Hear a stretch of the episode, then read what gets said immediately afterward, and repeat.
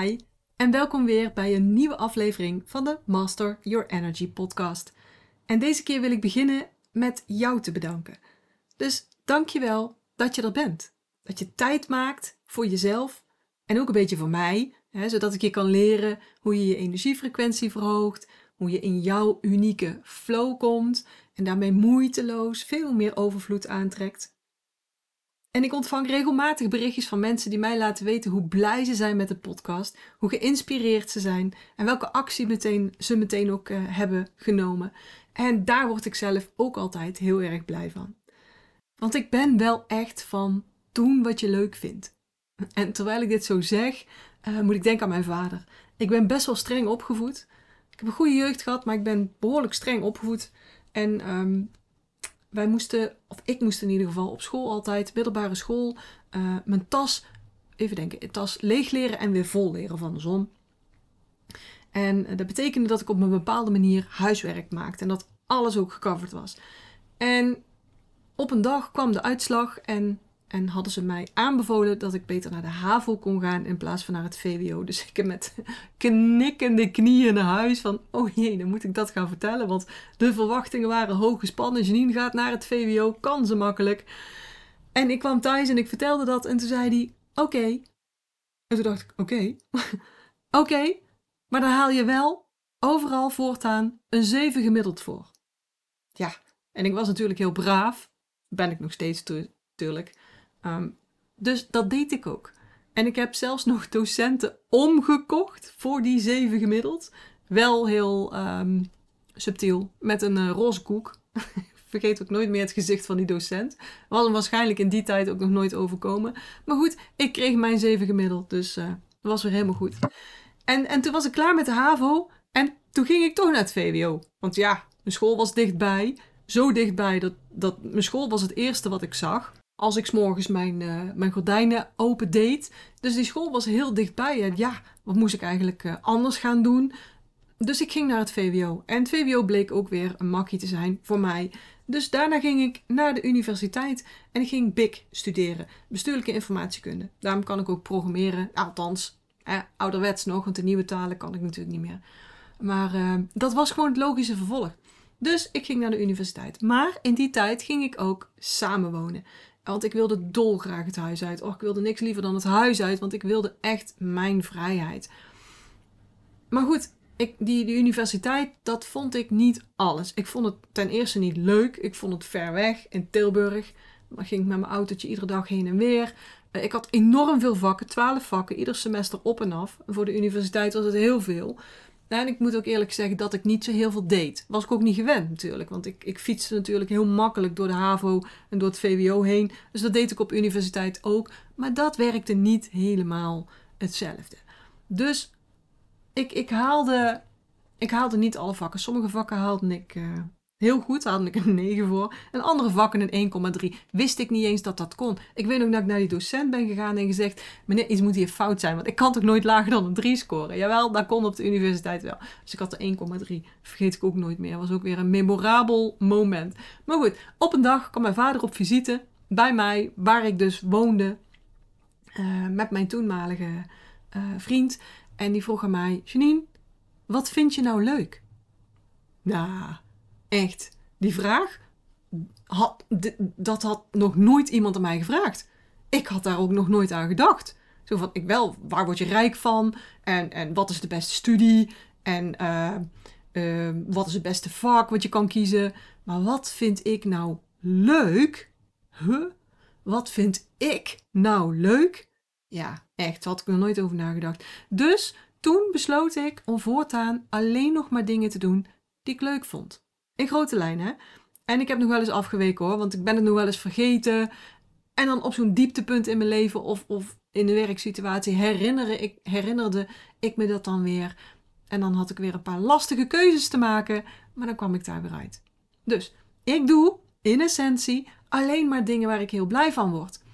Hoge energiefrequentie. En podcasten is één van die dingen. En helemaal als jullie me allemaal van dit soort berichtjes uh, sturen. Dus blijf dat vooral doen. Vind ik echt superleuk.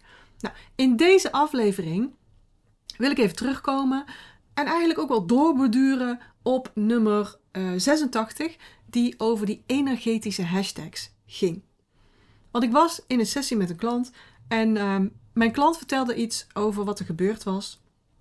Iets naars was er gebeurd, daardoor was ze geraakt, emotioneel geraakt. Dit kostte haar heel veel energie, hè, zo gaat dat. En daardoor ehm, ging, ging er energie naar beneden, de frequentie ging ook naar beneden. De werkfocus was weg. Kortom, ze was helemaal uit flow. Dus daar wilde ze vanaf. Ze wilde weer terug op die flow. Ze wilde weer terug in de energie. Logisch ook, hè? Want daarom zit ze natuurlijk ook bij mij in het traject. Dus ze was dus flink terug gaan denken aan hoe dit nou kwam. Waarom dat ze toch in die situatie terecht was gekomen en wat ze verkeerd had gedaan. En dat is nou helemaal niet slim. Is wel logisch. Want dit doen we zo vaak. Hè? Dan hebben we een rotervaring gehad. Bijvoorbeeld, een, uh, uh, je hebt een heel vervelende klant. En dan vraag je je af, hoe had ik dit kunnen voorkomen? Of had ik dit überhaupt kunnen voorkomen?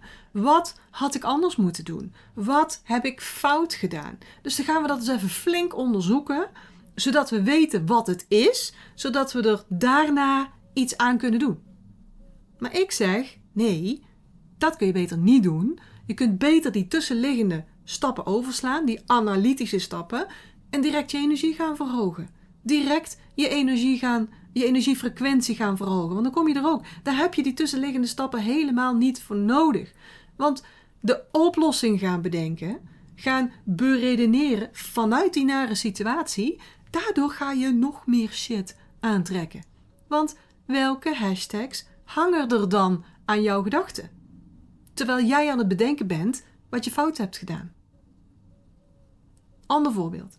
Ik was met een andere klant in de sessie en zij is echt zo, zo goed bezig. En toen kreeg ze een auto-ongeluk, een botsing. Van achteruit reden ze haar aan. Heb ik dat dan gemanifesteerd? vroeg ze aan mij. En ja, dat is altijd een lastige, super lastige vraag. Want nee, natuurlijk heb je dat niet bewust gecreëerd.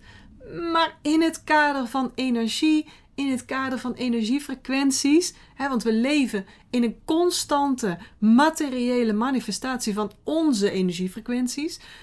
Dus dan moet ik toch wel zeggen dat het niet anders kan dan dat er ergens energetische hashtags moeten zijn geweest. Waarschijnlijk op een heel onbewust vlak.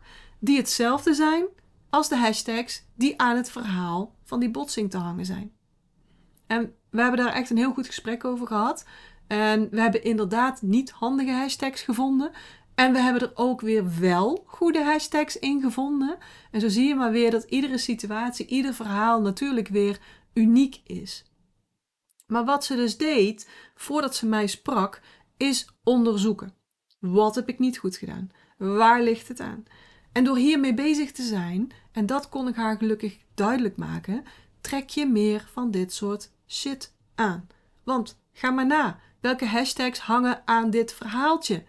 Want ja, die oplossing proberen te bedenken is ook een verhaaltje. Is een conversatie in je brein. Is een gedachte. Dus daar hangen hashtags aan. Welke dan? Nou, hashtag botsing. Hashtag wat doe ik fout. Hashtag schuld. Hashtag uh, teleurstelling. Hashtag wantrouwen. En ja, die herkenden ze wel. Niet in precies dezelfde vorm niet die botsing en, en, de, en de uitloop daarvan, hè, haar, haar gedachten hierover naar zichzelf toe, maar wel in andere verhaaltjes waar ze mee bezig was geweest. En super logisch ook allemaal, want, want ze zit in omstandigheden die dit soort verhaaltjes ook met zich meebrengen, maar zeker niet handig. Want zo blijf je dus in een visieuze negatieve cirkel als je niet oppast. Dus waak heel goed over die gedachten in je hoofd over die verhaaltjes die er spelen. Hele bewuste, maar ook die hele sneaky, vaag aanwezige. Wees heel bewust van de hashtags die er aanhangen. En vraag jezelf af of je nog meer verhaaltjes wilt laten uitkomen met diezelfde hashtags.